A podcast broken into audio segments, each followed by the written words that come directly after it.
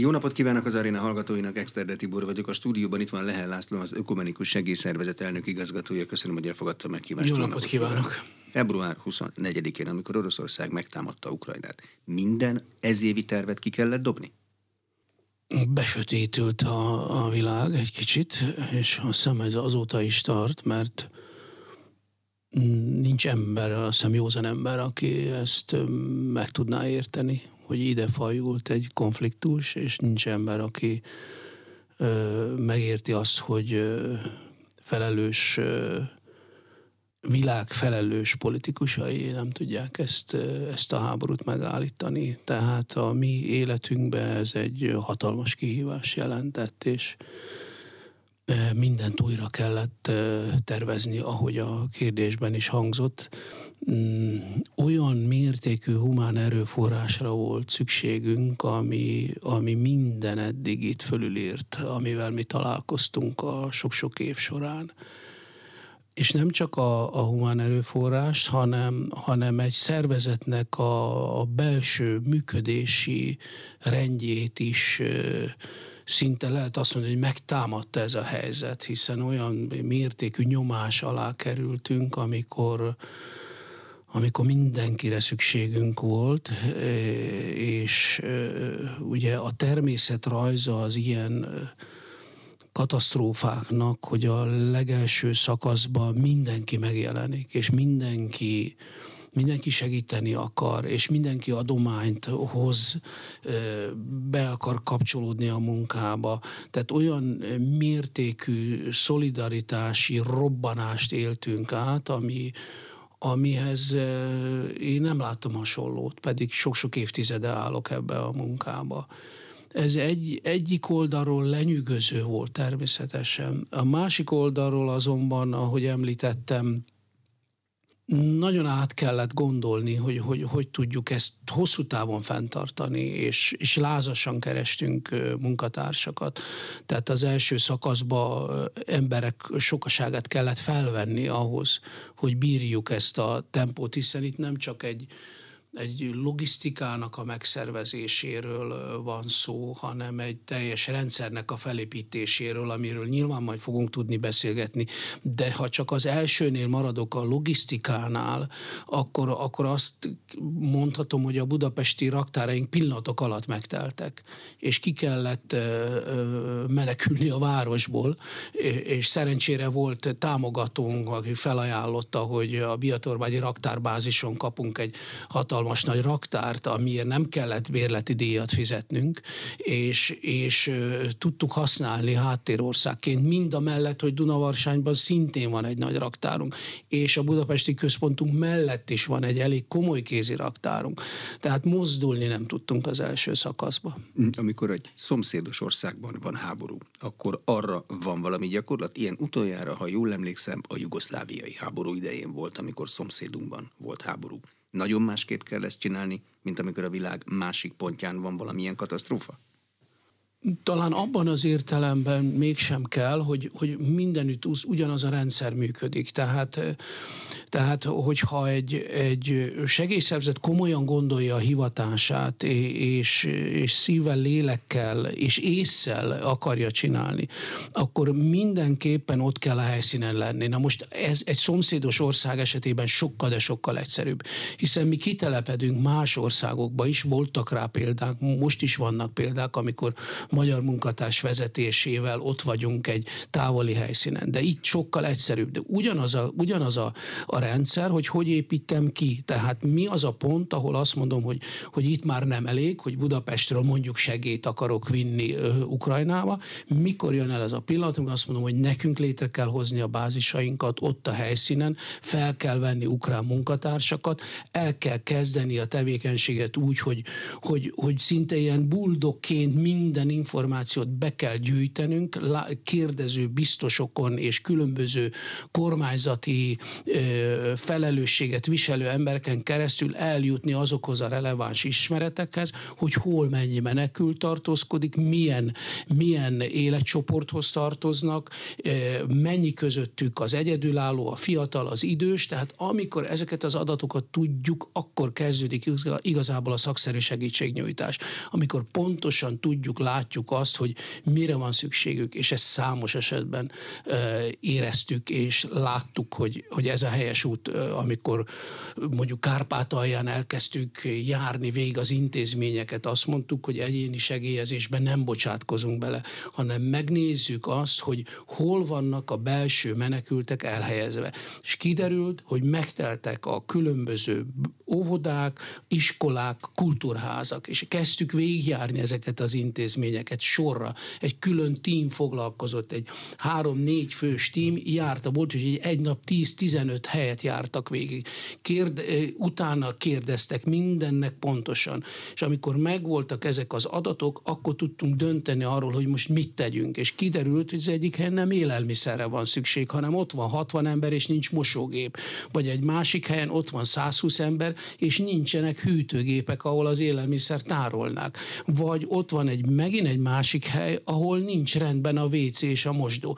Tehát nagyon, nagyon dinamikusan és gyorsan kell dönteni, hogy mibe segítünk. És ezekben az esetekben azt mondtuk, igen, akkor itt nem élelmiszerrel segítünk, hanem a, a, az infrastruktúrát tesszük rendbe, ahhoz, hogy élhető módon élhessenek az a szerencsétlenek, akik igazából csak egy matracot kaptak, ami le volt dob, dobva földre, és azon, azon aludtak, tehát akkor próbáljunk már ágyakat szerezni, tehát, tehát mindent a körülményekhez igazítani úgy, hogy mi is azt érezzük belsőleg is, hogy igen, mi megtettünk a körülményekhez képest az, hogy mégiscsak normális körülmények között életnek az emberek. Mennyire szabad egy háborúzó országban magához a háborúhoz közel menni? Ráadásul ez egy olyan háború, ahol nem lehet tudni, hogy a következő csapás hol lesz. Modern fegyverekkel vívják mindkét oldalról. Erre az, azt tudom mondani, hogy, hogy azért a segélyszervezeti munka az nem, nem irodaházakban és fotelekben történik. Tehát a, a, egy segélyszervezetnek kötelessége az, hogy, hogy ott legyen, ahol a, a szükséges szenvedők vannak. Na most a háború természetrajza nyilvánvalóan az, hogy, a, hogy vannak, akik ki tudnak menekülni a zónákból, és sajnos azt is láttuk, hogy a legelső szakaszban azért alapvetően a jó módú emberek tudtak eljönni. Nekik van autójuk. Nekik, Nekik van, van autójuk, pénzük. van rá pénzük, meg tudják fizetni a szállodát, vagy a vendégházat, vagy bármit. És aztán ahogy teltek a hónapok, akkor azt látom, hogy, hogy, hogy egyre inkább a, a rászoruló réteg jön. Egy, egy példát hagyd mondjak. Ott vagyok Rahóban, egy nagyon szép kis város a, a, Kárpátokban, a Tisza mentén, vagyis hát a két Tisza találkozásánál. Vízállás és... jelentésekből tudjuk, hogy igen, létezik. Igen és nézem, hogy pályaudvar, és jön egy ilyen körülbelül 20 fős csoport, és mint egy ilyen megvert sereg, nylon szatyrokkal, hullafáradtan vonszolják magukat pici gyerekekkel. És akkor bementünk abba a fogadóközpontba, ahol megszervezték a helyiek nagyon szépen, hogy oda be lehet menni, és akkor ott kiosztják, hogy ki hova kerülhet a városon belül, melyik szálláshelyre. Ott voltak különböző helyek, a, a, a magyar háztól kezdve több, több helyre lehetett őket elhelyezni, és akkor látszott, hogy elkezdtünk velük beszélgetni, hogy igen, na itt van, itt van a legnagyobb probléma. Tehát itt már nem arról van szó, hogy autón van, meg mindenem van, meg tudok magamról gondoskodni, hanem a, a, a leg, legrászorultabb réteg meg, és ez mindig a, a végső szakaszban következik be. De hogy a kérdésre válaszoljak, hogy, hogy mennyire lehet közel menni, azt gondolom, hogy, hogy, hogy azért ez nem egy kamikáze akció, tehát azért itt észné kell lenni, és tudni kell azt, hogy, hogy hol van a határ. Tehát nyilvánvalóan egy, egy, egy háborús területre nem lépünk be, tehát ahol közvetlen, közvetlen háborús cselekmények vannak, oda nem lépünk be. De ezt tudják, hogy ezek hol vannak? Hát van, amikor egyik pillanatról a másikra történnek. Hát ha Kievbe vagyok, és Kiev bombázása történik, akkor nyilvánvalóan ezt nem tudom előre. Vagy ha Lemberg bombázása történik, ezt nem tudom előre. És ott, ott vagyunk, és ott vannak a munkatársaink, ott van az irodánk, ott van a csapatunk. Amit ilyenkor tehet egy szervezet, hogy igyekszik olyan területre betelepedni, bérelni valami bérleményt, ahol, ahonnan fölépíthetjük a tevékenységünket, amely, amely nincs stratégiai pontok mentén. Tehát mondjuk egy, hadd mondjak egy példát, ahol nem a, nem tudom én, a, a városnak az energia központja van, és nem attól 50 méterre bérelünk, vagy, vagy nem a, nem tudom én, minisztériumok, vagy bármi olyan, ami, ami effektíve célpont támadási lehet. célpont lehet. Tehát ilyen szempontból körültekintően kell eljárnunk, hogy lehetőleg olyan térségbe von, felépíteni a tevékenységet, ahol nincsen ilyen közvetlen veszély. Ennél többet sajnos nem tudunk tenni. Lehet hogy fogalmazzak, hát ilyenkor bérelni? Tehát működik a normális Igen. egy Igen. háborús országban, és oda lehet hogy erre van szükségem, nem tudom mennyi időre, kössünk Igen. üzletet? Na ez a, ez, a, ez a furcsa, ugye, hogy hogy ö, mégis működnek dolgok. Tehát láttuk azt, hogy, hogy ö, súlyos élelmiszerhiányjal nem találkoztam sehol, és nem találkoztunk sehol talán azokban az övezetekben, ahol, ahol a háború zajlik, vagy azokon a területeken, ahol nagy számban menekültek érkeztek.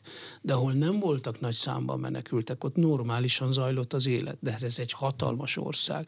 Itt azért ezer kilométerekről beszélünk. Tehát nem a magyar viszonyokhoz számolunk, tehát ugye Kiev 1200 kilométer mondjuk innen nagyjából Magyarországról, tehát, tehát, tehát az óriási óriási távolságok, és, és az egyik részén látszik, hogy működik az élet, mert működni kell, mert termelni kell, az emberek ott akarnak maradni, meg akarnak valahogy élni, még hogyha háborúban is van az ország, a másik részén meg romba van minden.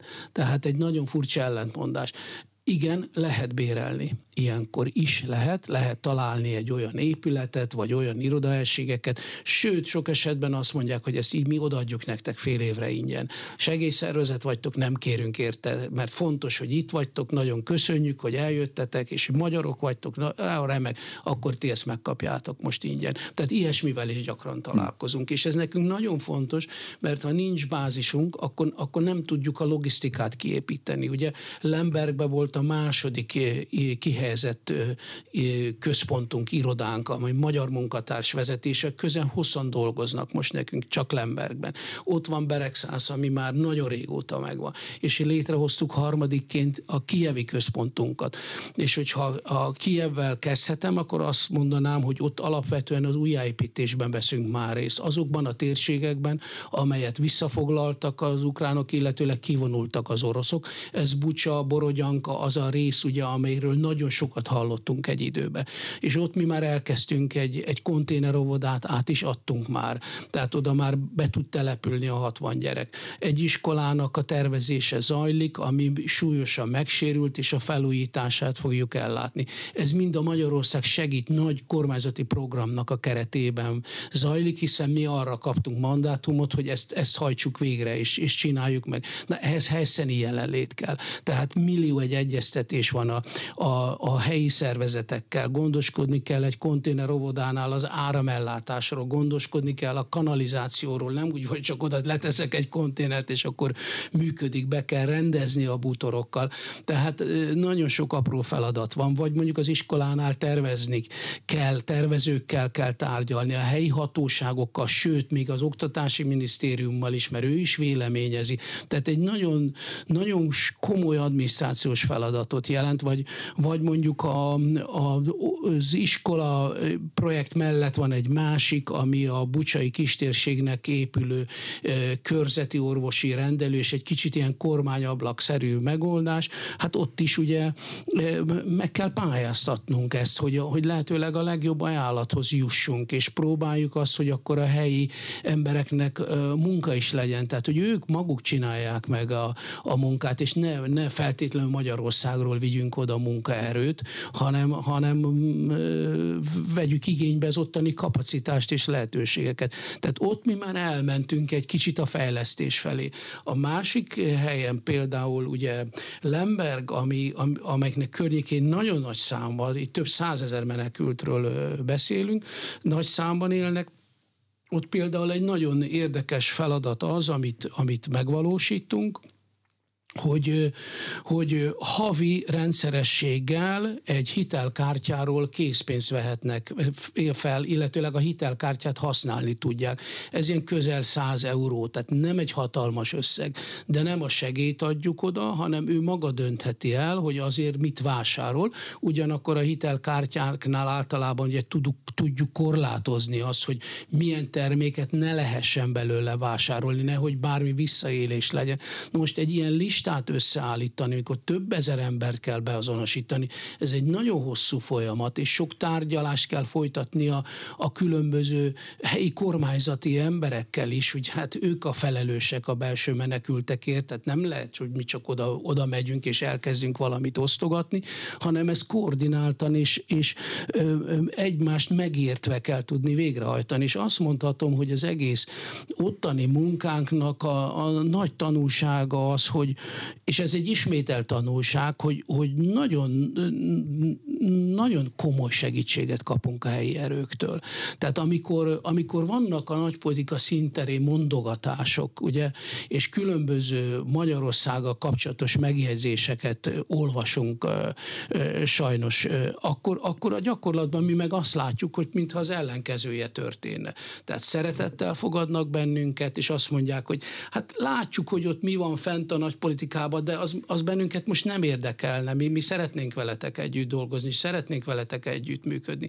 Tehát nekem az az érzésem, hogy mi mi, hogyha ott dolgozunk, akkor utána ez egy olyan emlék marad nekik, amit örökre meg fognak jegyezni. Eljöttek a magyarok, megígértek valamit, és megcsinálták a magyarok. Tehát ennél több, többet nem tudunk bizonyítani, és azért ez nem kevés, mert végül is Magyarország legnagyobb humanitárius akciójába veszünk részt, és ez, ez, ez, nem, ez nem egy szóbeszéd, vagy, vagy, vagy egy komolytalan mondat, hanem mögött mély tartalom van. Hogy tudják kiszűrni a sötét alakokat, akik minden országban vannak, háború valóban pedig a felszínen jól látszanak, hogy visznek oda valamit, és ők jelentkeznek, hogy majd ők megcsinálják. Nem tudják, nem tudják megcsinálni, mert nem engedjük nekik. De honnan tudják? Hát, hát úgy, hogy kézben tartjuk. Tehát nem, nem vonunk be, saját, saját apparátussal dolgozunk. Tehát fölveszünk munkatársakat, kiírjuk a különböző feladatkörre az embereket, kellenek logisztikai munkatársak, kellenek projektvezetők, kellenek monitoringgal foglalkozó emberek, kellenek adminisztrátorok, újságírók kellenek, pénzügyesek, mert ugye a megfelelő pénzügyi rendet be kell tartani, akkor is, hogyha Ukrajnában bejegyzett szervezetként dolgozunk, mert hiszen érvényesek ránk az ukrán szabályok. Tehát nem fordulhat elő, hogy most valaki azt mondja, hogy ő akkor ezt majd lebonyolítja nekünk. Mi megköszönjük, azt mondjuk, hogy nekünk megvan a kapacitásunk arra, hogy mi lebonyolítjuk, és akkor látjuk is, hogy mi történik. Mert végig a mi, mi látókörünkben van a tervezés is, a végrehajtás és az evaluation, tehát a kiértékelése is a mi kezünkben van. Mennyi időre számolnak most? Meddig kell Ukrajnába maradni? Senki nem tudja, mikor lesz vége a háborúnak. Hát, ugye ez egy beszéltünk erről az elején, hogy ez egy ez, ez, ez tragédia, és egy felfoghatatlan tragédia. Tehát ugye úgy, úgy léptünk a 21. században, hogy e, voltak világháborúk Európában, és már biztosan nem lesz több soha ilyen. A mi életünkben legalábbis. Igen. Igen. És akkor egyszer csak azt látjuk, hogy hónapok óta tart.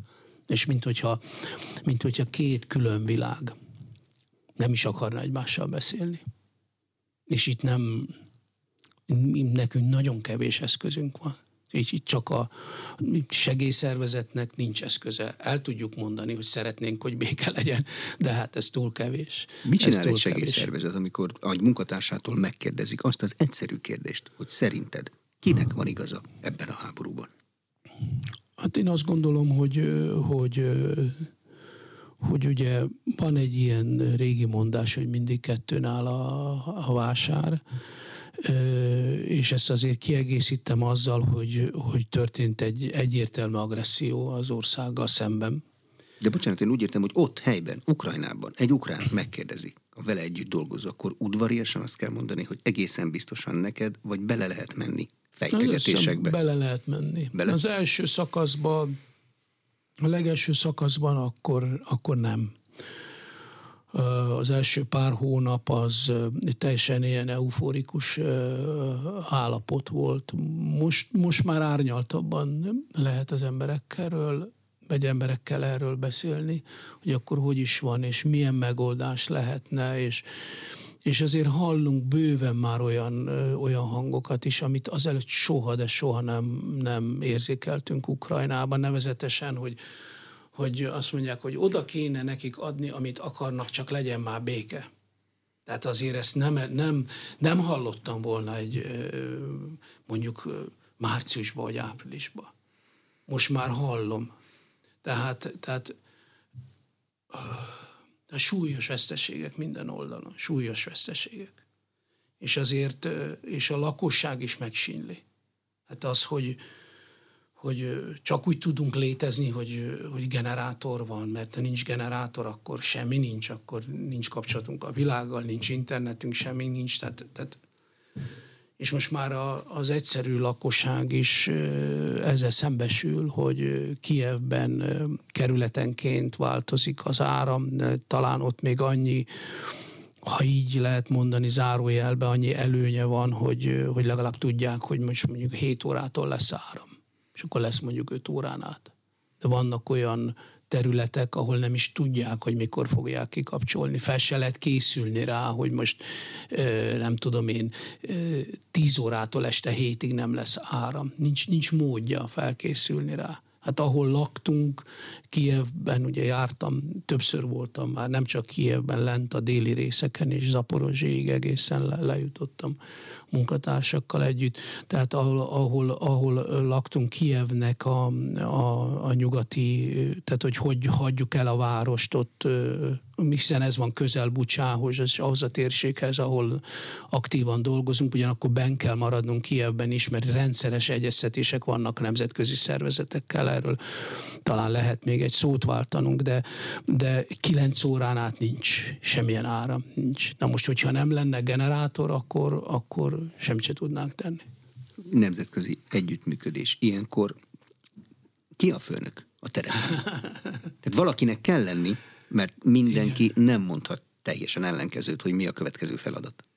Igen. Na itt ez egy nagyon érdekes dolog, mert egy kicsit főnökök vagyunk bizonyos dolgokban, más dolgokban pedig nem. Akkor beszéljünk els, először arról, hogy hol vagyunk mi főnökök.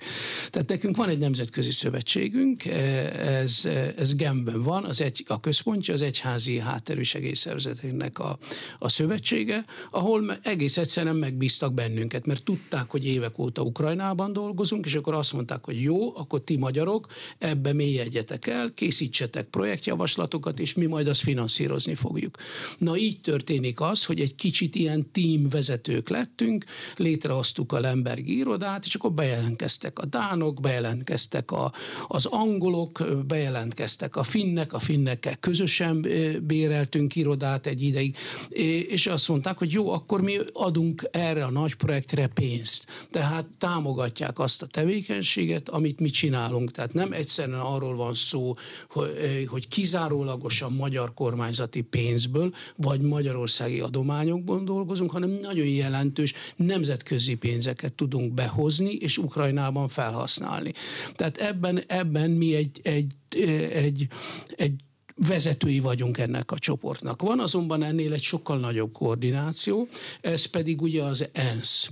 És azért az ilyen katasztrófák esetében legyen háború az, vagy árvíz, vagy földrengés, vagy bármi nagy humanitárius katasztrófa, az ENSZ-nek vannak a szakosított szervezetei, akik jogosultak arra, van erre mandátumunk, hogy összehívják a segélyszervezeteket, és mi rendszeresen részt veszünk ezeken a megbeszéléseken Kievben. Van úgy, hogy egy héten több alkalommal, sőt, van úgy, hogy, hogy szektor, szektor területileg hívnak embereket. Azt mondják, hogy aki az egészségügyel foglalkozik, akkor azokkal jövünk össze, vagy iskola ügyel, oktatás, például iskoláknak a rendbetétele, akkor azokat külön hívják meg egy megbeszélésre. Tehát ennek az a lényege, hogy egyrészt tudjanak egymásról, hogy ki mit csinál, másrészt az ENSZ-nek is szüksége van azokra az információkra, amivel a segélyszervezetek rendelkeznek, sőt, mi több, a segélyszervezetek javaslatot is tehetnek, hogy mi legyen a következő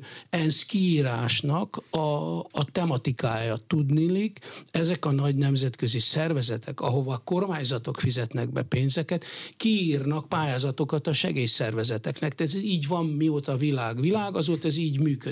Tehát amikor az Európai Unió azt mondja, hogy ott van a, a, a humanitárius részlege, amelyik a világnak a legnagyobb donor szervezete pillanatnyilag, akkor azt mondja, hogy kiírunk egy pályázatot, és ezek a pályázatok már nem egy-két millió forintról szólnak, hanem ilyen 5-től 30 millió euróig. Tehát hatalmas nagy pályázatok, és ezeket általában konzorciumokba szoktuk megpályázni, hogy mondjuk összefogunk egy amerikaival, egy finnel, vagy egy angollal, és akkor három segélyszervezet áll össze, de ezek nagyon-nagyon precíz projektek, nagyon sok információt kell begyűjteni, és nagyon-nagyon részletesen kell leírni, és nem könnyű egy ilyen pályázathoz hozzáférni, illetőleg komoly előminősítéseken kell átmenni egy segélyszervezetnek, hogy egyáltalán behívják ebbe a közösségbe. Egy, egyébként be se, hívnak, be se hívnak. Referenciát kell felmutatni, hogy nem tegnap a, alakult Hát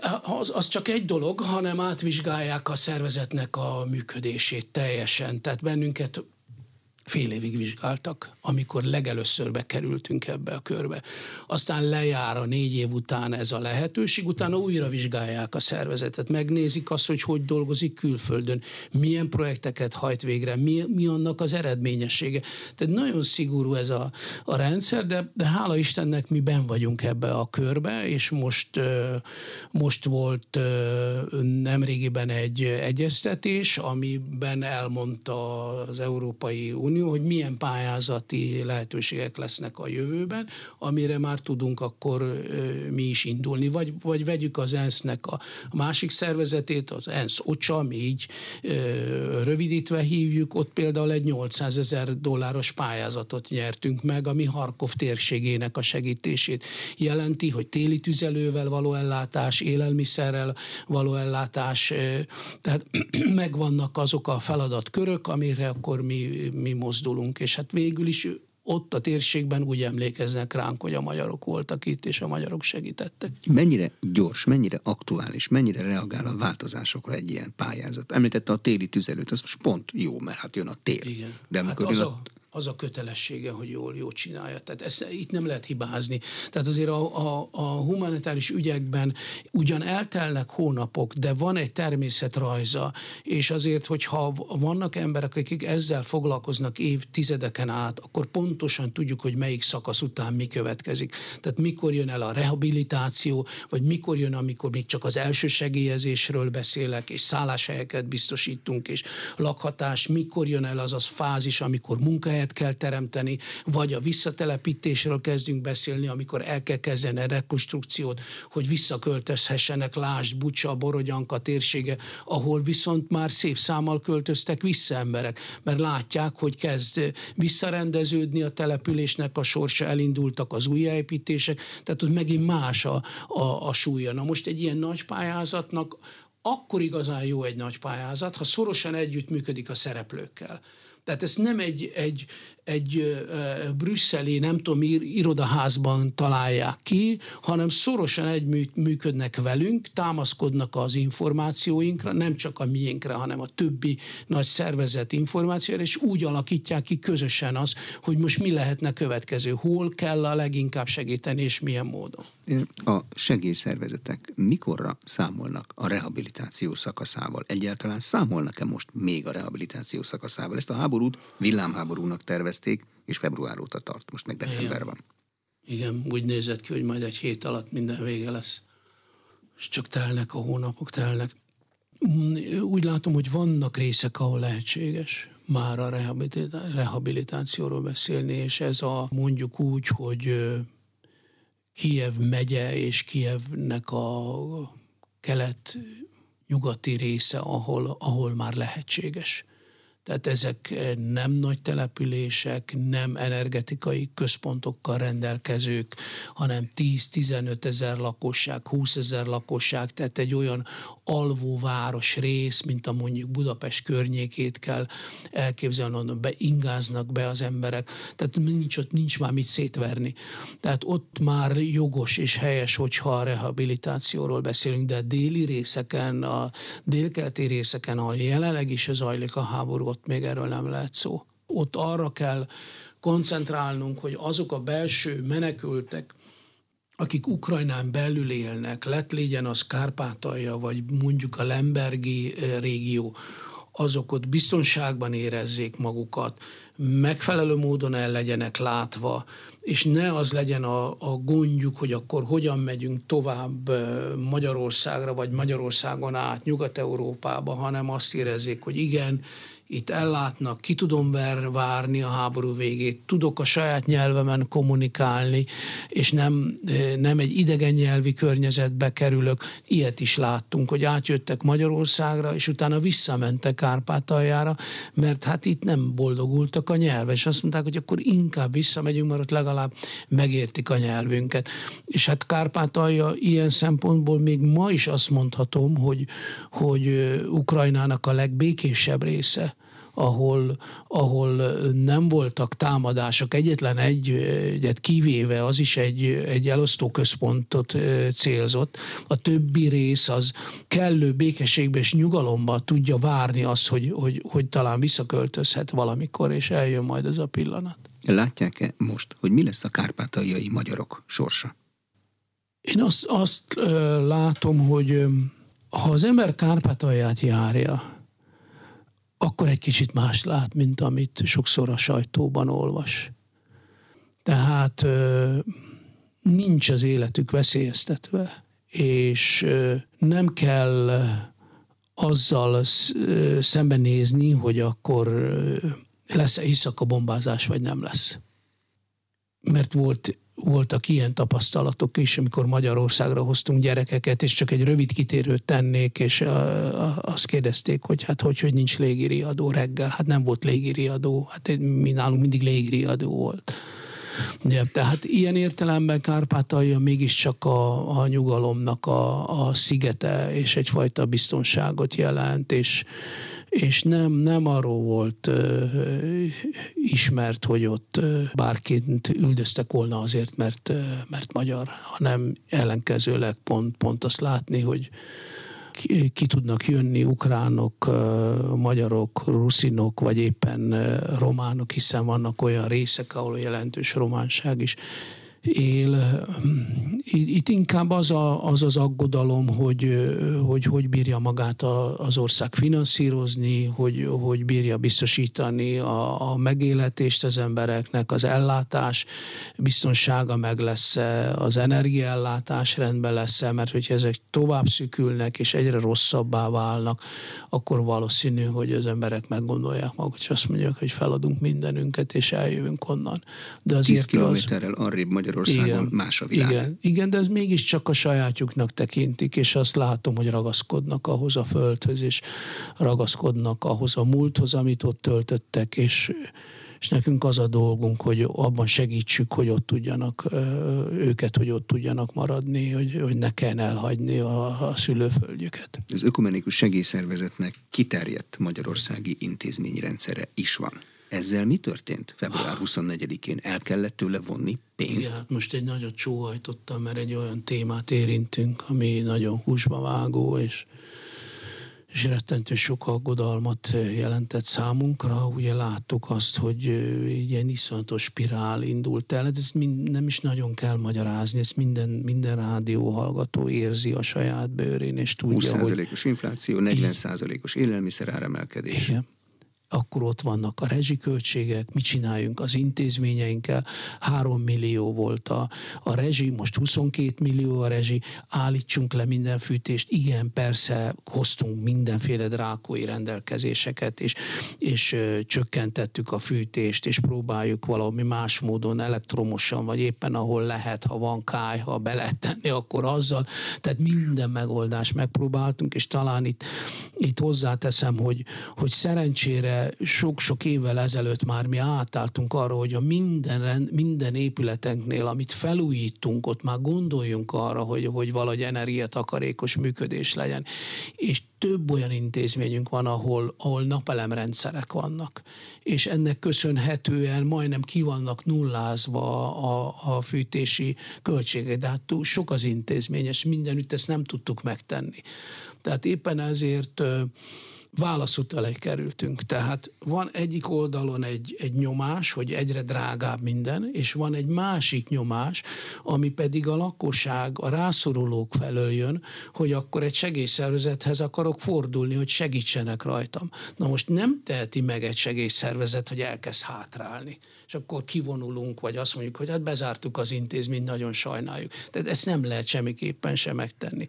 És akkor hogy legyen, hogy legyen, és végül is ugyanaz volt a módszer, amit, amit már évtizedek óta építünk, hogy van, van egy közösségünk, akik, akik segítenek bennünket hosszú-hosszú évek óta.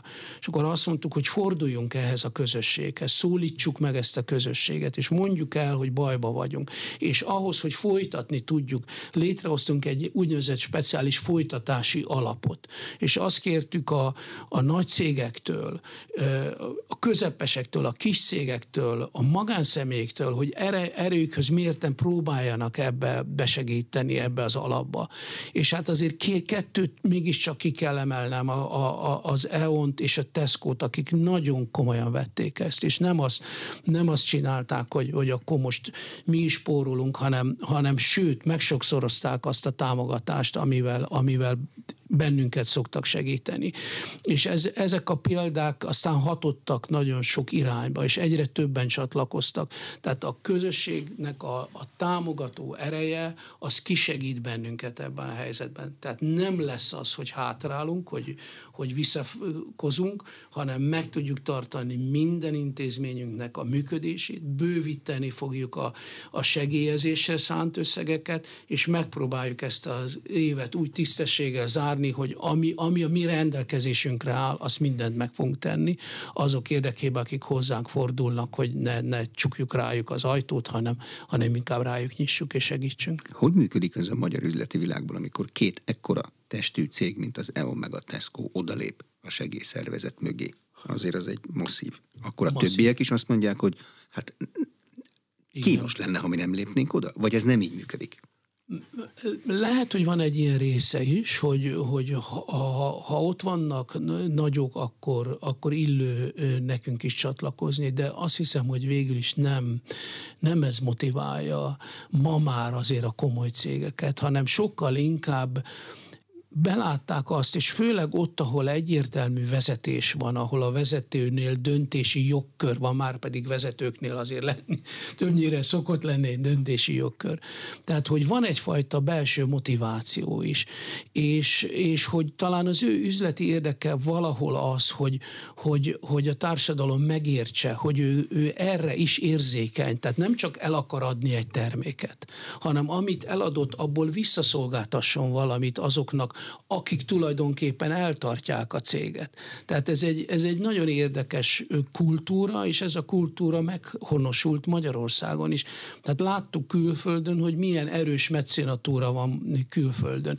Hát Magyarországon az egy töredéke volt, de elkezdett épülni, és mondjuk a segélyszerzeti közösség életében ezt mi nagyon határozottan látjuk, hogy ez, ez kiépült, és most már nem, nem az, az események határozzák meg, hanem évről évre visszatérően együtt gondolkozunk, és együtt jelölünk ki esetleg olyan projekteket, témákat, amit az a cég támogatni szeretne. Mondjuk van, amelyik a fiatal korosztályjal akar foglalkozni, a másik az élelmiszerbiztonsággal akar, és ezért fontos, hogy az élelmiszer élelmiszer biztonság érdekében mondjuk adományozza is nekünk élelmiszer. Tehát nagyon sok összetevője van annak, de összességében azt mondhatom, hogy, hogy Magyarországon ez egy, ez egy nagyon szépen felfelé ívelő folyamat, és minden jó példa az, az jó hatással van erre az egész közösségre.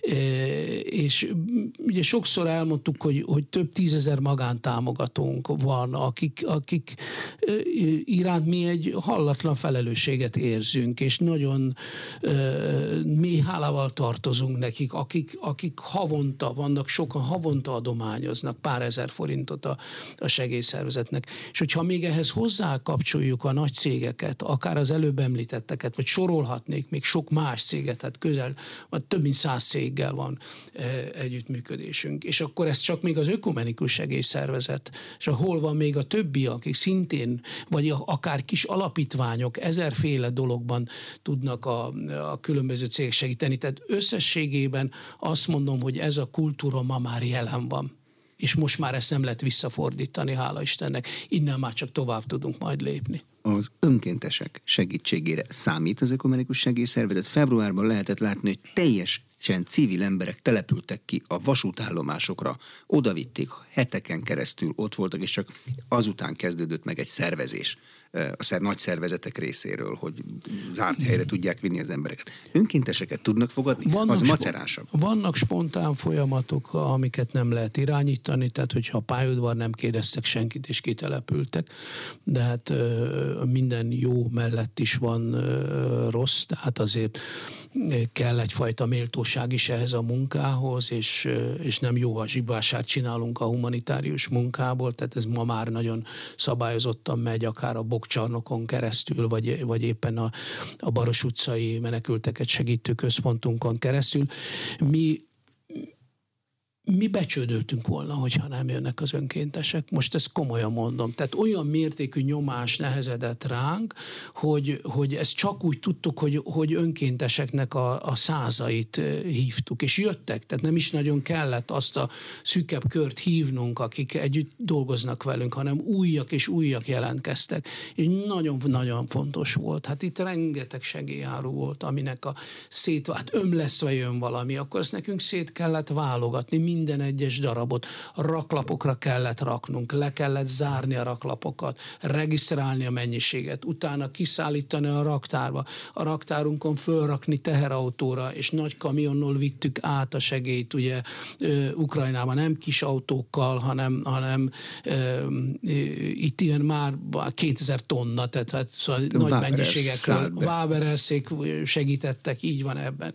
És aztán ott is ki kellett alakítani a fogadó részt, illetve gondolom vittük tovább a távoli helyekre, mert egész Ukrajnába vittük a segélyt, tehát nem álltunk meg csak a Kárpátalja régióba. Tehát az önkéntesek nélkül ezt, ezt nem lehetett volna ilyen szinten a kezdet-kezdetén. Aztán amikor már túl vagyunk ezen a nagyon viharos részen, akkor, akkor már tudjuk stabilizálni a helyzetet, és tudtuk stabilizálni a helyzetet, és akkor már jönnek azok, akik rendszeresen munkatársainká válnak, vagy, vagy ki tudjuk szűrni azokat, akik beváltak, mint önkéntesek, és továbbra is segítenek valamilyen módon, csak hát azt se lehet senkitől se elvárni, hogy mondjuk hónapokon át önkénteskedjen, hanem hát azt mondja, én most el, kivettem egy hét szabadságot, és eljöttem egy hétre hozzátok dolgozni, óriási segítség volt. Nem szokott óriási. csalódottak lenni, amikor azt mondják, hogy menekültekkel szeretnék foglalkozni, ehhez képest vegytiszta logisztikai munkát kell csinálnom, mert rakodnom kell?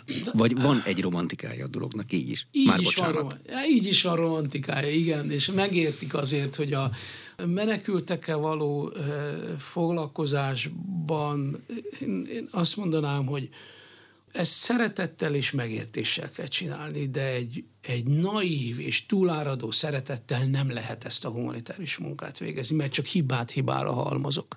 És számos ilyen példa van, amikor maga az önkéntes látja azt, hogy, hogy én ezt így akartam csinálni, és ja, tényleg, hát az úgy nem jó, mert akkor azzal csak problémát okozok. Most nem mennék bele részletekbe, de, de sok ilyen történés van, és ő, ő maga jön rá, hogy, hogy ez ki kéne, tan- tehát ennek van egy módszertana, meg, meg, meg be kell azonosítani, meg kell ismerni azokat az embereket, adatokat kell tőlük kérni, honnan, miért, kik segítik-e őket, miből élnek, és a többi, és a többi, ahhoz, hogy egy személyre szabott segítséget nyújtsak. Mert ugye a kezdeti szakaszban, amikor arról van szó, hogy van egy intézmény, ahova betettünk mondjuk 50 menekültet, és segíteni kell, az rendben van, az, az még működhet ideig, óráig. De amikor már ezen túl vagyunk, akkor már kell szervezetten és célzottan kell a munkát elvégezni, és a velük való foglalkozást is célzottan kell. Tehát meg kell tudni a szándékaikat. Miben a, mennyi ideig akarnak mondjuk Magyarországon maradni, milyen módon tudok abban segíteni. Hát el kell menni dolgozni akkor. Nem lehet örökké egy menekült otthonban élni. Ha munkaképes, akkor abban kell segítenünk, hogy munkát vállaljon. Vagy hogy minél előbb megpróbáljon visszatelepülni. Tehát, hogy döntést kell hozni az életébe, és nem arról van szó, hogy majd mi évekig ellátjuk, és senki meg nem kérdezi tőlük, hogy akkor tulajdonképpen ti hogy is gondoljátok a jövőtöket. Tehát nekünk ez felelősségünk. Szakma, mert hogy módszertana van, ezt lehet tanulni, vagy egyszerűen a terepen lehet tanulni? Hát nagyon kéne ezt oktatni, nagyon kellene, és törjük is a fejünket már egy jó ideje, hogy ezt hogy lehetne, és talán előbb-utóbb meg is lesz ennek a, a formája mert nagyon szerteágazó. Tehát beszéltünk itt a logisztikai részről, beszéltünk a diplomáciai részéről, beszéltünk a közgazdasági, a pénzügyi részéről, a, kellő bölcsességről és, és a, tudás ismeretről, tehát úgy, ezek, ezek mind, mind egy ilyen hatalmas nagy csokrot alkotnak, és így, így ilyen emberekre van szükségünk, akik nagyon sokféle ismerettel rendelkeznek.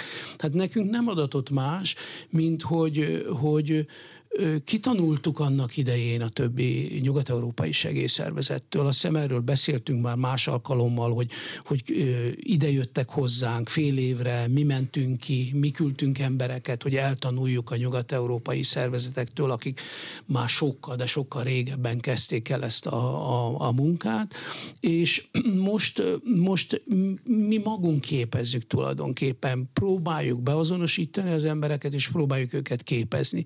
De én azt gondolom, hogy előbb-utóbb el kell jutni oda, hogy ez valahogy az oktatásnak a, a, része legyen, és a most ebben nekünk kell egyik segítő szakmai valami. leírásba se illik bele, mert a logisztikustól a pszichológusig nagyjából egy emberben kellene összpontosulnia mindennek. Így van. Plusz így nyelv, plusz nemzetközi kapcsolatok, plusz Nyelveket történet. kell tudni. Igen. Tehát valóban egy nagyon szertágazó tudású emberről vagy emberekről beszélünk, és ezért nem is olyan egyszerű. Néha azt látjuk, hogy valaki jön hozzánk, és talán egyszerűen csak a kalandvágy vezérli, mert akkor itt el lehet jutni külföldre, és izgalmas területeken tudok dolgozni. Na ez is csak ideig, óráig segít rajtunk, mert, mert ez nem az a munka, ahol, ahol ilyen ilyen karakterű emberekre volna szükség, hanem sokkal inkább a, a fegyelmezett, disziplinált embereket kell magunk köré gyűjteni, akik közgazdasági, adott esetben jogi ismeretekkel is rendelkeznek.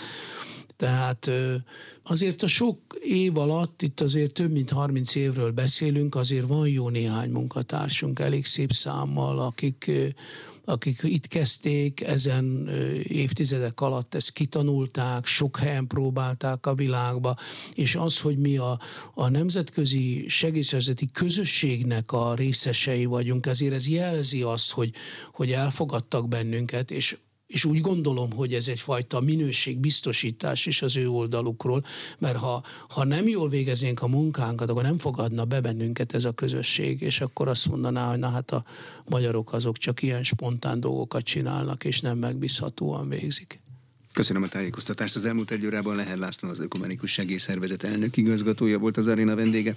A műsor elkészítésében Módos Márton főszerkesztő vett részt a beszélgetést a rádióban, most felvételről hallották, és az infostart.hu oldalon is figyelemmel kísérhetik. Köszönöm a figyelmet, Exterde Tibor vagyok.